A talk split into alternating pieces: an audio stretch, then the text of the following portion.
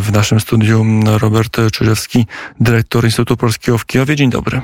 Dzień dobry Państwu, witam Panie redaktorze. Historyk, publicysta, nauczyciel, przez wiele lat prezes Fundacji Wolność i Demokracja, a od dwóch lat prezes, dyrektor Instytutu Polskiego w Kijowie, w tej chwili w Warszawie.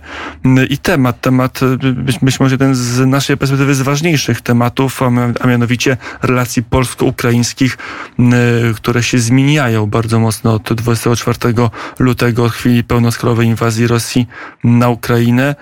E, zacznijmy od tego prostego pytania. Jak głęboka jest to zmiana, panie dyrektorze, w relacjach bilateralnych? Ja rozumiem, że chodzi o świadomość społeczną, a nie tylko przemiany polityczne, czy współpracę wojskową, czy współpracę gospodarczą. No, ale jedno z drugim jakoś jest zazębione, ale rzeczywiście najbardziej istotne są przemiany społeczne, bo one są najtrwalsze, można powiedzieć. W społeczeństwach obywatelskich wszystko inne jest właściwie funkcją tego pierwszego. E, no myślę, że roboczo najpierw należałoby zdiagnozować, kim są Ukraińcy, żeby potem móc mówić, jaki jest ich stosunek do nas, jak się on zmienia. A po drugie, i to jest też uwaga ważna, należałoby wskazać na coś, z czego my Polacy możemy sobie nie zdawać sprawy. Należałoby wskazać na niejednorodność Ukrainy. My jesteśmy dosyć homogeniczni. Wiemy, że kiedy przyglądamy się mapom preferencji wyborczych, e, pewnych odruchów społecznych, to Polska jest jakoś podzielona, ale e, no, z perspektywy ogólnej jest ona mimo wszystko dosyć homogeniczna. Ukraina jest Wszyscy bardzo silnie zróżnicowana. językiem polskim chociażby, na takim poziomie. Chociażby tak. Ale to nie tylko, nie tylko to. To są kwestie jednak dominacji rzymskiego katolicyzmu, to są kwestie dominacji pewnych właśnie postaw społecznych w stosunku do różnych wartości. Na Ukrainie ten podział, e, on roboczo zazwyczaj jest nazywany podziałem na Ukrainę wschodnią i zachodnią. To jest bardzo mylące. E, należałoby raczej powiedzieć, że chodzi o tą Ukrainę, która była objęta sowieckim e, sowieckimi działaniami industrialnymi, tą, która nie była objęta działaniami industrialnymi.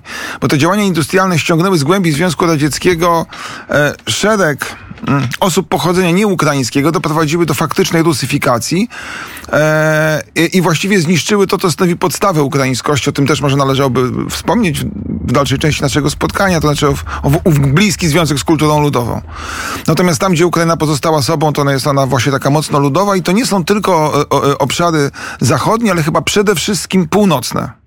A to jeszcze zastanówmy się, bo to jest e, ciekawa myśl, że e, Donbas, Donieck, Ługańsk, one dlatego tak łatwo, dość łatwo, stosunkowo łatwo e, od, odpadały początkowo w tych pierwszych tygodniach agresji rosyjskiej w roku 14 od Ukrainy, bo, bo to były najbardziej zurbanizowane obszary, gdzie było najwięcej dużych zakładów mających często rodowód jeszcze w samym carski, ale, ale szczególnie ten, ten komunistyczny. To jest dosyć ciekawa teza i bardzo trudno by z nią było, byłoby jej bronić albo trudno byłoby ją atakować, bo zadziałało na pewno wiele czynników. Na pewno armia ukraińska była o wiele mniej sprawna niż teraz, to po pierwsze, e, ale też na pewno w tych rejonach państwo ukraińskie e, zyskiwało coraz większe poparcie w społeczeństwie. Idea ukraińskości, można by tak powiedzieć. I gdyby Ukraina dostała jeszcze kilka lat, to ona by zasymilowała zukrainizowała, mówiąc inaczej, ten, ten obszar. Ja bym nie powiedział, że on był rosyjski, on był takim postsowieckim amalgamatem. I tutaj nie chodziło również o to, że ci ludzie mówili po rosyjsku, tylko właśnie to były takie industrialne, postindustrialne, może inaczej, industrialne właśnie, ale w tym sensie jeszcze środku wieku XX społeczeństwa radzieckie ze sporą przestępczością, to były, to były trudne rejony w sensie społecznym. Tak bym to powiedział. Natomiast yy, co się mogło z tym dalej dziać, to możemy się przyjrzeć na tą część południa, która nie została przez Rosjan zajęta. Proszę zobaczyć, że y, cywile w Azowstalu to nie chowali się dlatego, że ich tam Ukraińcy na siłę zamknęli. Ludność Mariupola Miasta, które można powiedzieć w pewnym sensie, w sensie społecznym było podobne do Doniecka czy Ługańska, w 14 roku może byś zareagowała podobnie, gdyby ostatecznie tam zwyciężył jakiś typ separatyzmu, czy też no, rosyjskofilstwa, tak to nazwijmy. A teraz uciekali do bunkrów. Zwróćmy uwagę, jak się zachowuje Hersoń. Innymi słowy, ja bym powiedział, że na tym, w tym postsowieckim, w tej postsowieckiej magmie ta ukraińskość czuła się nieźle, ona cały czas rosła stopniowo. To musielibyśmy mówić o, o tym, e, jakie jest znaczenie siły mitu narodowego. E, ale z drugiej strony mieliśmy takie przykłady właśnie jak Hersoń, ale też jak Melitopol, miasta, które no, padały w tej już obecnej agresji, e, trochę bez walki, potem z takim oporem e, ukraińskości w ramach demonstracji, no ale bez oporu, twardego oporu zbrojnego. Ale to jest, inny, to jest inny czynnik. Mhm. E, powiem szczerze, e, z perspektywy ukraińskiego państwa, to zabrzmi brutalnie, e, nikt z Ukraińców przecież tego nie powie, ale Kijów był ważniejszy niż, e, niż Hersoń. Obrona Kijowa była absolutnie fundamentalna. Są takie mapy, ja tutaj nie zdradzam tajemnic, jak czytelnicy, nasi słuchacze, przepraszam, po, poszukają w internecie, to można znaleźć, gdzie są kolejne ukraińskie brygady, te, które walczyły pod Kijowem.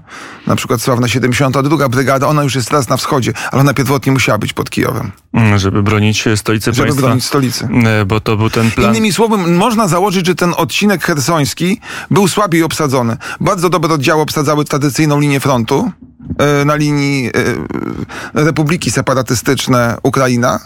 E, Dobre oddziały, naprawdę te najlepsze zostały wysłane pod Kijów. Re, resztą oddziałów łatano dziury we froncie. Oczywiście jeszcze pod Czernichowem stały całkiem przyzwoite. E, Pierwsza m, brygada pancerna, to żeśmy przeszli do wojskowości, a No właśnie, jak na rozmowę z dyrektorem Instytutu, panie redaktorze, to chyba nie najlepszy temat. Żeśmy zawędrowali, ale no, mamy taki czas, że ta wojskowość jest we wszystkim, jest wszędzie i trudno mm, jej uniknąć. Wracając do przemian społecznych mm, na Ukrainie, bo od tego mm, wyszliśmy To pan pozwoli. dyskusji. Y, To, no to właśnie należy powiedzieć, że utrata Hersonia nie była spowodowana świadomością społeczeństwa. Społeczeństwo Hersonia reagowało świetnie. Nie tylko Hersonia, to mieliśmy na przykład e, w Energodarze te demonstracje. Społeczeństwo okupowanych terenów demonstruje proukraińsko. Mm. Przynajmniej jego część. To jest wynik e, 30 lat, czy to jest wynik gwałtownych zmian po roku 14? Tych 30 lat niepodległości? Ja znaczy- jak, się, jak, jak się rodzi na naszych oczach e, naród ukraiński? Bo on jest obecny wśród elit od wieku XVII, powiedzmy, czy może e, e, ciut wcześniej albo ciut później. Nawet teraz staje się narodem powszechnym. Mamy, mamy takie laboratorium narodotwórcze e, na Ukrainie w ostatnich kilkunastu latach?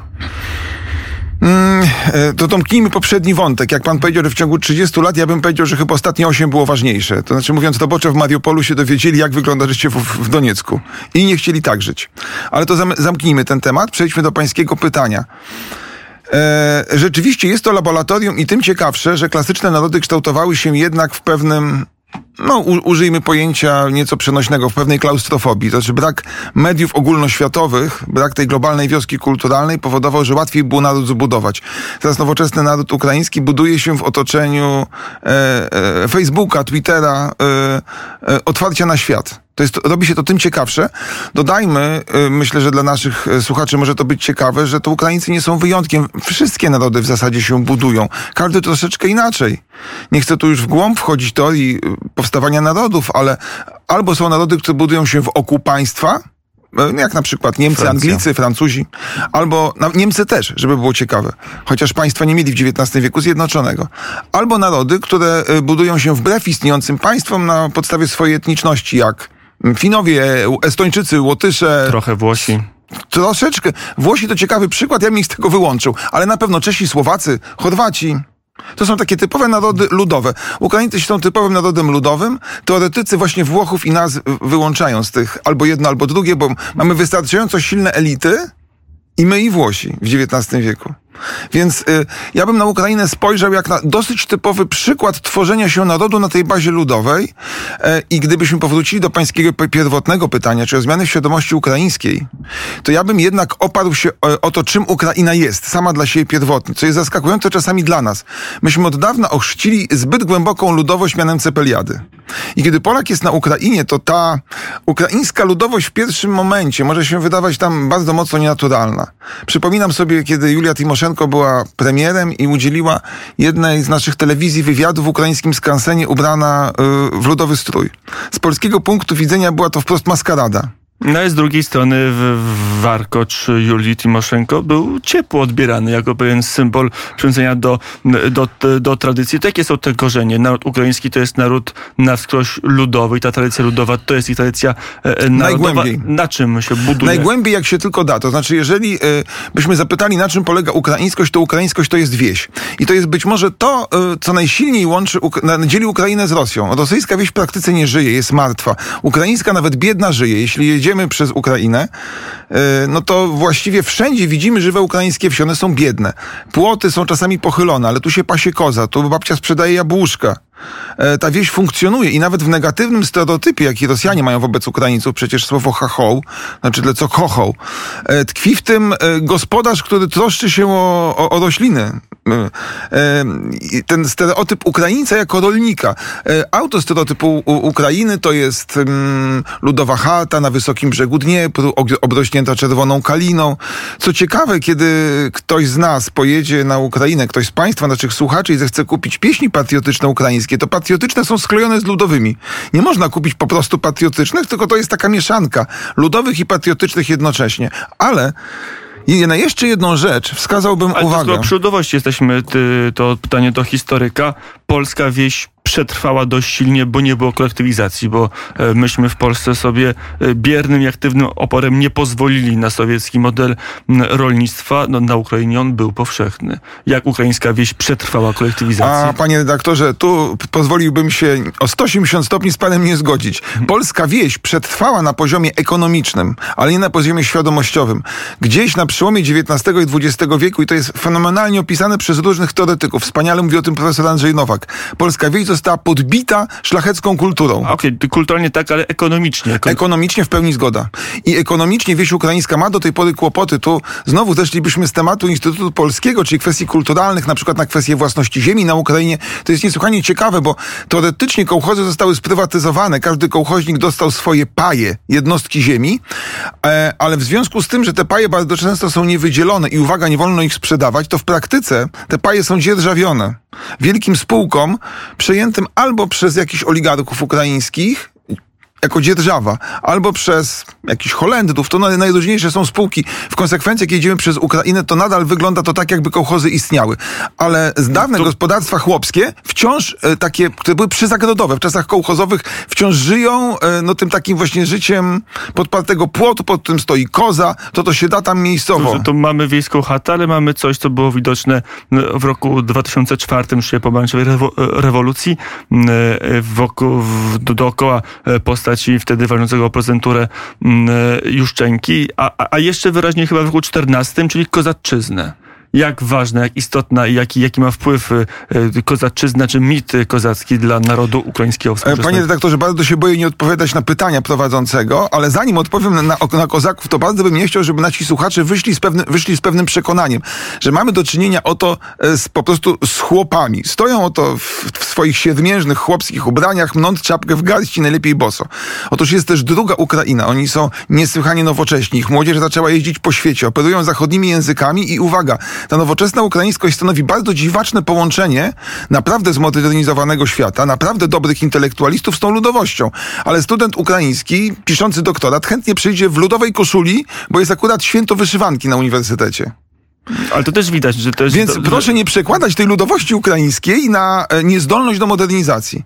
Być może, i to należałoby znowu w głąb to wejść, ukraiński chłop jest najbardziej zmodernizowanym chłopem od samego początku. Na Ukrainę w Rzeczpospolitej uciekali chłopi najbardziej energiczni, tacy, którzy najbardziej chcieli być wolni. Mało tego, wojny kozackie, żeby już wrócić do pańskiego pytania, doprowadziły do tego, że chyba jedyne, było to jedyne miejsce w Europie, gdzie na moment zniknęła pańszczyzna. I w świadomości chłopów to zostało, że można być wolnym. O ile chłopi w innych terenach Europy śpiewali o ciężkiej pracy pańszczyźnianej, e, i inne przyśpiewki ludowe, często dotyczące kwestii seksualnych, to ukraińscy chłopi wspominali kozactwo i wolność, jaka, kiedy być może, jaka, jaka kiedyś być może jeszcze powróci. To do kozaczyzny. Do Jak, kozaczyzny. Ile to jest mitu, ile to jest prawdy w tym, w tym elemencie, w tym e, wkładzie kozaczyzny we współczesną świadomość, rodzącą się także po, po części świadomość narodową Ukrainy?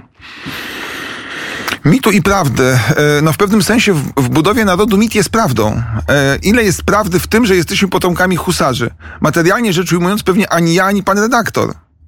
A może któryś z nas jednak. Nie sprawdzimy tego, bo tak głęboko w przeszłość nie sięgniemy. Ale niewątpliwie w polskiej mitologii historycznej bez husarza nie ma polskości. Tak samo bez kozaka nie ma ukraińskości.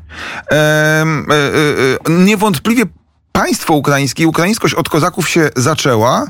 Tak, czy to ta Ukraina oderwana od dawnej Rusi. Ukraina już to jest tylko Ukrainą, a nie czymś, to jest jeszcze przejawia pewne elementy wspólnoty z Moskwą czy z dzisiejszymi terenami Białorusi. Ale ja bym, y, mówiąc o, mm, o tym ukraińskim micie, y, y, kozackim, wskazał na coś chyba o wiele, mm, o wiele poważniejszego. Mit kozacki jest niesłychanie atrakcyjny atrakcyjny na poziomie, no powiedziałbym takim internacjonalnym. To nie przez przypadek Tarasa Bulbę kręcił Hollywood. Wolny człowiek, ogromne przestrzenie, romantyczna miłość i tak dalej. Jest, ale jest na tyle wchwytliwy, że to z całym szacunkiem, kiedy w Polsce są demonstracje, to mało tam mamy husarzy. Ekwipunek jest co nieco, co nieco droższy. Na, a na Majdanie jednym, drugim, kolejnym osełebce były powszechne. I strój kozacki i ta afiliacja kozaczyzny, jakby to była historia znacznie bardziej e, żywa, jak to jest też z rekonstrukcją. No, my mamy swoje grupy rekonstrukcyjne, ale wydaje się, że na Ukrainie e, no, kozacy, tacy, którzy tam te konie mają, hodują, e, gdzieś po stepach jeżdżą, cały czas istnieją. Jak to wygląda? Um, można by na ten temat długo i przede wszystkim rzeczywiście takim centrum kozackim, bardzo ciekawym jest wyspa Hortyca. To jest dosyć daleko, na szczęście jest jeszcze nieokupowane. Ale Chortyca to jest wielka wyspa na Dnieprze. Można powiedzieć, że stamtąd zaczynały się owe progi skalne. I za Poroże to był ten rejon za progami skalnymi. E, sowiecki industrial budując tamy na Dnieprze większość tych progów zatopił, ale część z nich jeszcze widać. Niepodległa Ukraina odbudowała powiedziałbym, rodzaj kozackiej fortecy tam. I ta kozacka forteca, można powiedzieć, stanowi takie serce kozackości.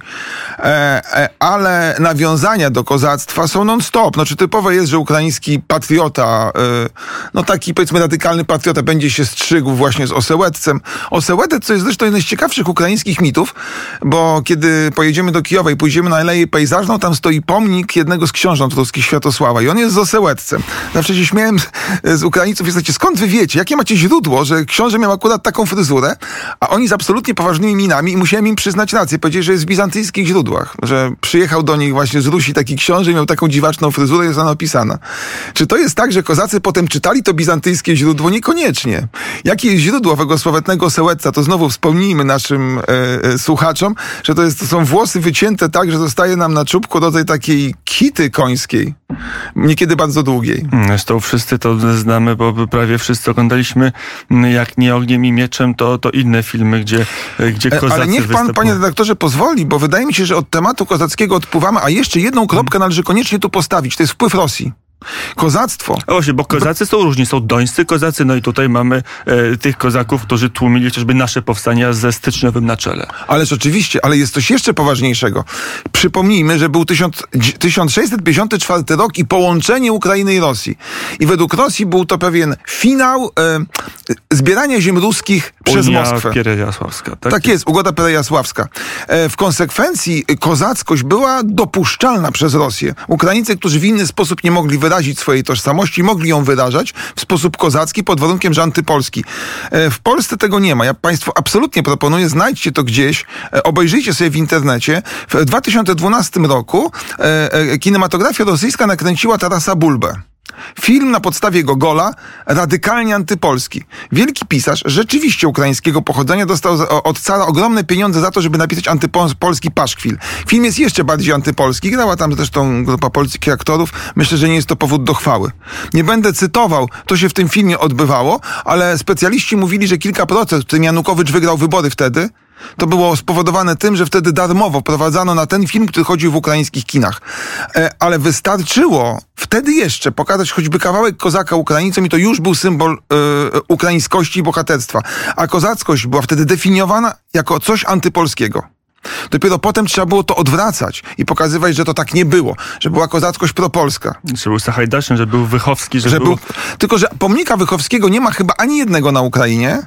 Pomnik, nie, jest jeden w miejscowości Wychów. Pomnik Sahajdacznego owszem jest, jest w Kijowie, ale był też na terenach okupowanych, właśnie go Rosjanie zniszczyli. E, natomiast pomników Chmielnickiego jest dużo. Myślę, że Chmielnicki jest z ukraińskiej historii niewyjmowalny, ale należałoby wzbogacić ten obraz kozackości o te elementy współpracy kozaków i Rzeczpospolitej. E, to skoro już e, będziemy się starać w studiu Robert Czyżewski, dyrektor Instytutu Polskiego w Kijowie, będę się starał od historii wychodzić, to skoro mamy tą, te dwa, jest ich pewnie więcej, ale dwa istotne elementy tożsamości ukraińskiej, czyli ta chłopska, rustykalna, połączona, z, to się też łączy z tą tożsamością kozacką, to, to już zbierając się do tematu relacji polsko-ukraińskich, kwestia Rzeczpospolitej obojga narodów. Na ile ona istnieje w, w i w warstwach polityczno-ekspresji, ale także w warstwach powszechnej debaty publicznej na Ukrainie. Czy istnieje tak, to jako, to w jako takiej co? sytuacji chyba lepiej nie dywagować, tylko pokazać jakieś egzempla. Pierwsze egzemplum e, to byłaby góra zamkowa w Kijowie. To jest zjawisko dosyć ciekawe. Kijów jest bardzo ciekawy przyrodniczo. Mm, I jak się zbliżamy do Kijowa, to jedziemy po terenie z grubsza przypominającym porośniętą lasami Lubelszczyznę, ale sam Kijów jest bardzo mocno pagórkowaty, jest bardzo wysoki brzeg Dniepru. Takie jary nad tym Dnieprem są, które odcinają czasami takie pozostające pagórki nad samą rzeką. Stara dzielnica Kijowa, która była miastem lokowanym, tak zwany Padu i nad tym Padołem góruje Góra Zamkowa. Tak zwana Kisielówka, to dwoje wody Kisiela. Kisielówka jest właściwie w tej chwili niezagospodarowanym, zupełnie niezagospodarowanym terenem. Na Kisielówkę można wejść i przy wejściu na Kisielówkę powieszono tablicę dwujęzyczną. Ukraińsko-litewską. Jest tam napisane, że w czasach Wielkiego Księstwa Litewskiego był tam zamek. Na Ukrainie dosyć poważnie się rozważa, i to jest rozmowy w tym momencie na poziomie akademickim, to jeszcze nie zeszło na poziom świadomości ludowej. Wielkie Księstwo Litewskie to było również nasze państwo. Tak to jest definiowane. Jest na przykład bardzo ciekawy obraz ukraiński pokazujący rycerstwo halickie w bitwie pod Grunwaldem. A to już nie jest Wielkie Księstwo Litewskie. E, teraz Ukraina potrzebuje już nie tylko anarchicznych kozaków, potrzebuje ludzi państwowo-twórczych i zaczyna sięgać po Wielkie Księstwo Litewskie. Z nami jest gorzej. To napięcie e, z kształtującą się polskością zostało dociągnięte aż w głąb XX wieku i tu dużo trudniej jest mówić, że to też nasze. Ale z Litwinami Ukraińcy się już dawno przeprosili. E, bardzo ciekawy program. E, oglądałem, można go znaleźć na, oczywiście w internecie. E, hiperpatriotyczny cykl ukraińskich programów, w których autor programu opowiada różne elementy historii ukraińskiej, nie stroniąc od tych, które nam by były niemiłe, dotyczące UPA, kwestii II wojny światowej. I on tam z litewską tłumaczką chodzi po Lwowie wyszukując trójdzielny herb. Trafiają na cmentarz Łyczakowski, na Górkę Powstańczą i zastanawiają się, czy powstanie również nie było ukraińskie. Czytają nazwiska zapisane łacińską czcionką i próbują w tym odnaleźć coś brzmiące po ukraińsku. Wydaje mi się, że ukraińska myśl będzie szła w tym kierunku i myślę, że powinna otrzymać nasze wsparcie. Mm, chociaż jeszcze po drodze są Białorusini, których trochę się pomija, którzy mają, no, nie wiadomo, czy nie większe prawa do dziedzictwa po Wielkim Księstwie Litewskim niż Na niż pewno. Ów język ruski, czy też rusiński, który był językiem Wielkiego Księstwa Litewskiego, to o ten język jest spór między Białorusinami a Ukraińcami. Spór wydaje mi się niedostrzegalny, ponieważ leksyka obu języków jest w 92% wspólna. Więc jak to było w XVI wieku i czy te dokumenty są pisane w staroukraińsku czy starobiałorusku, jest to naprawdę niedostrzegalne. Oba narody jeśli Białorusini mówią po białorusku, bo to jest jednak zdecydowana mniejszość Białorusinów, e, to oni się porozumiewają absolutnie bez tłumacza. Zresztą wielu Białorusinów jest w Kijowie, flag białoruskich w Kijowie jest wiele. W, wracamy do... Flag niepodległej Białorusi, tak biało-czerwono-białych, panie redaktorze. E, nie tych, które ustanowił Łukaszenka, kiedy doszedł do władzy w 1994 roku, a potem niedługo później ustanowił tu obecną e, flagę swojej de facto własnej. Ale to panie Białorusi... redaktorze, jak jesteśmy przy Białorusinach, nie zapomnijmy, że na wschodzie walczy teraz batalion właśnie Konstantego Kalinowskiego, białoruski, nawiązujący wprost do tych czasów wspólnoty jeszcze trwającej wciąż w wieku XIX. Z tą doślicznym mówi się, że e, i w formie tych batalionów, które walczą, ale także w tych, którzy się szkolą, to może być przeszło tysiąc e, obywatelów Białorusi, którzy w tej chwili w różnym stopniu są w siłach zbrojnych, które walczą na Ukrainie albo już na froncie, albo e, tak jak powiedziałem, w tej formie przygotowania czas goni, a, a musimy przejść do współczesności. Powiedział e, pan dyrektor, że w tych ostatnich 30 latach, e, te 8 lat po agresji, no to był taki moment, kiedy wiele procesów przyspieszyło gwałtowniej niż, niż w trakcie niepodległości Ukrainy po rozpadzie ZSRR. No i w tych 8 latach mamy nies blisko 80 dni inwazji czy chyba jeszcze, ten, ten proces jeszcze dostał większego przyspieszenia, zwłaszcza w relacjach polsko-ukraińskich jaki jest odbiór e, Polski, Polaków, jak on się zmienił przez te niespełna 80 dni pełnoskalowej inwazji Rosji na Ukrainę? Należałoby chyba wyjść od tego, że e, już wcześniej stosunek Ukraińców do Polaków był niezły. Lepszy niż Polaków do Ukraińców. To też warto podkreślić.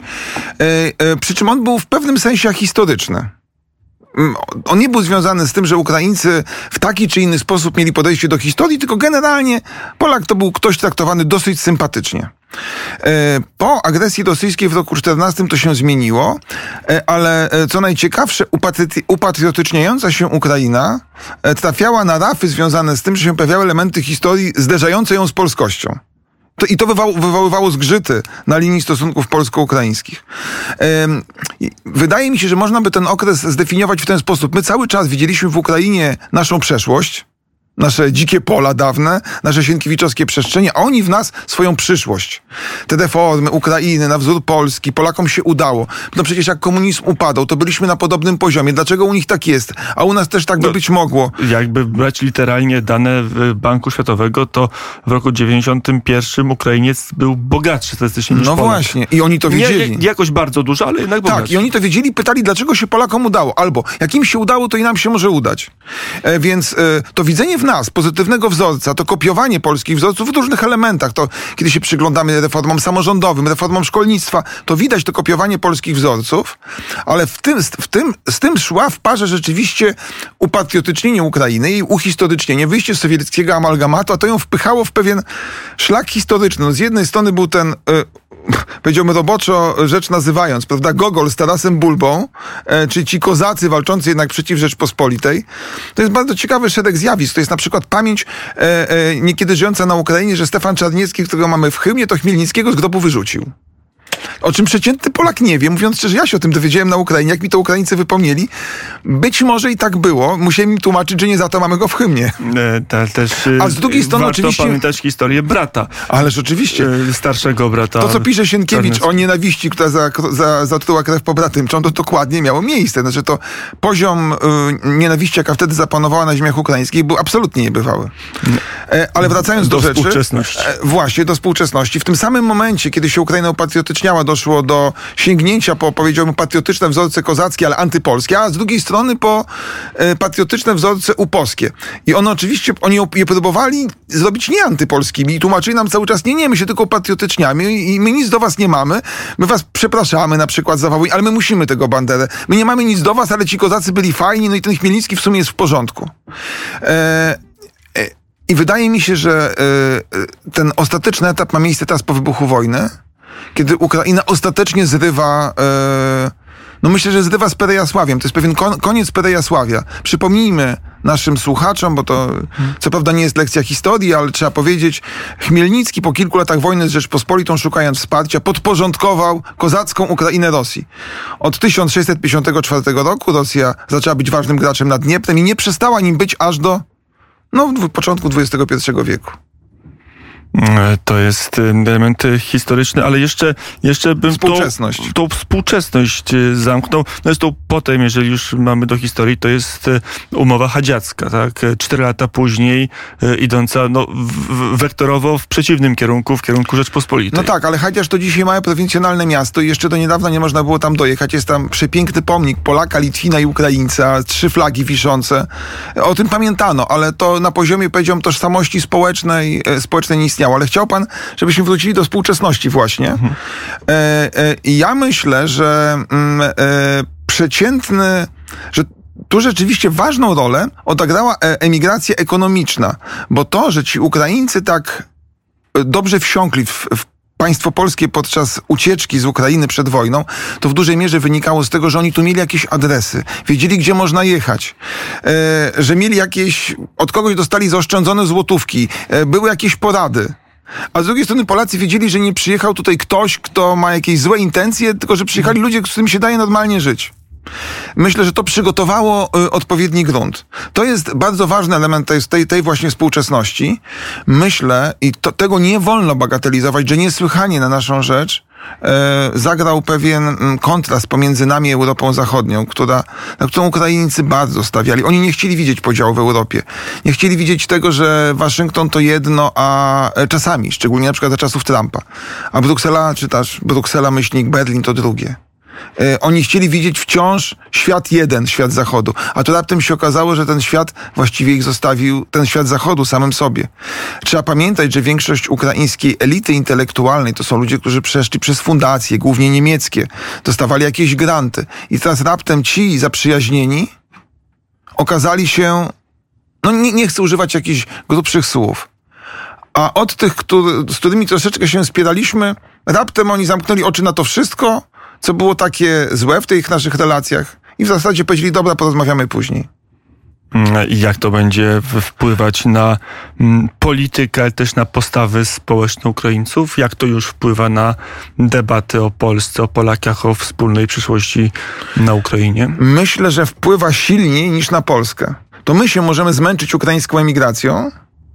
Myślę, że dla nich y, będzie to temat powracający wraz z powracającymi, bo część będzie wracała na Ukrainę, y, y, uchodźcami, którzy teraz są w Polsce. Myślę, że to, co my powinniśmy zrobić, to powinniśmy spróbować utrzymać nasz entuzjazm po to, żeby ten czynnik zadziałał jak najmocniej. E, Ale wydaje się, że jesteśmy w sensie takim głęboko strategicznym spychani na siebie jako społeczeństwa. Spychani na siebie, bo e, Ukraina nie pozbędzie się rosyjskiego problemu. Rosja nie zniknie, nie stanie się białą plamą na mapie. Zagrożenie rosyjskie może być oddalone, ale nie przestanie istnieć. Ono będzie, będzie ciążyło nad Ukraińcami.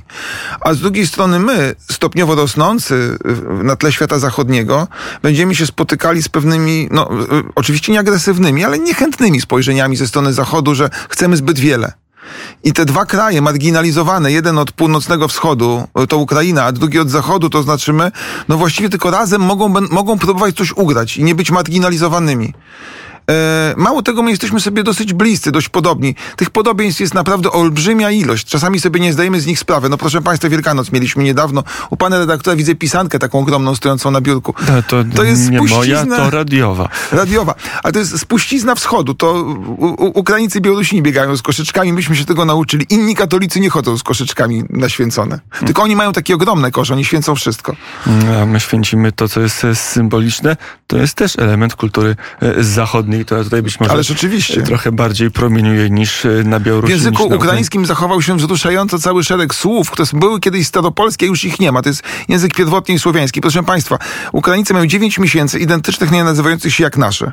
Mają miesiąc luty, ale istnieje słowo lutyj, które znaczy srogi. U nas tego słowa już nie ma, a kiedyś musiało być. Mają słowo chrobry, które znaczy dzielny mężny. Chrobry to znaczy dokładnie dzielny mężny, odważny. Myśmy te słowa zgubili, zostały w przydomku pierwszego króla i w nazwach miesiąca.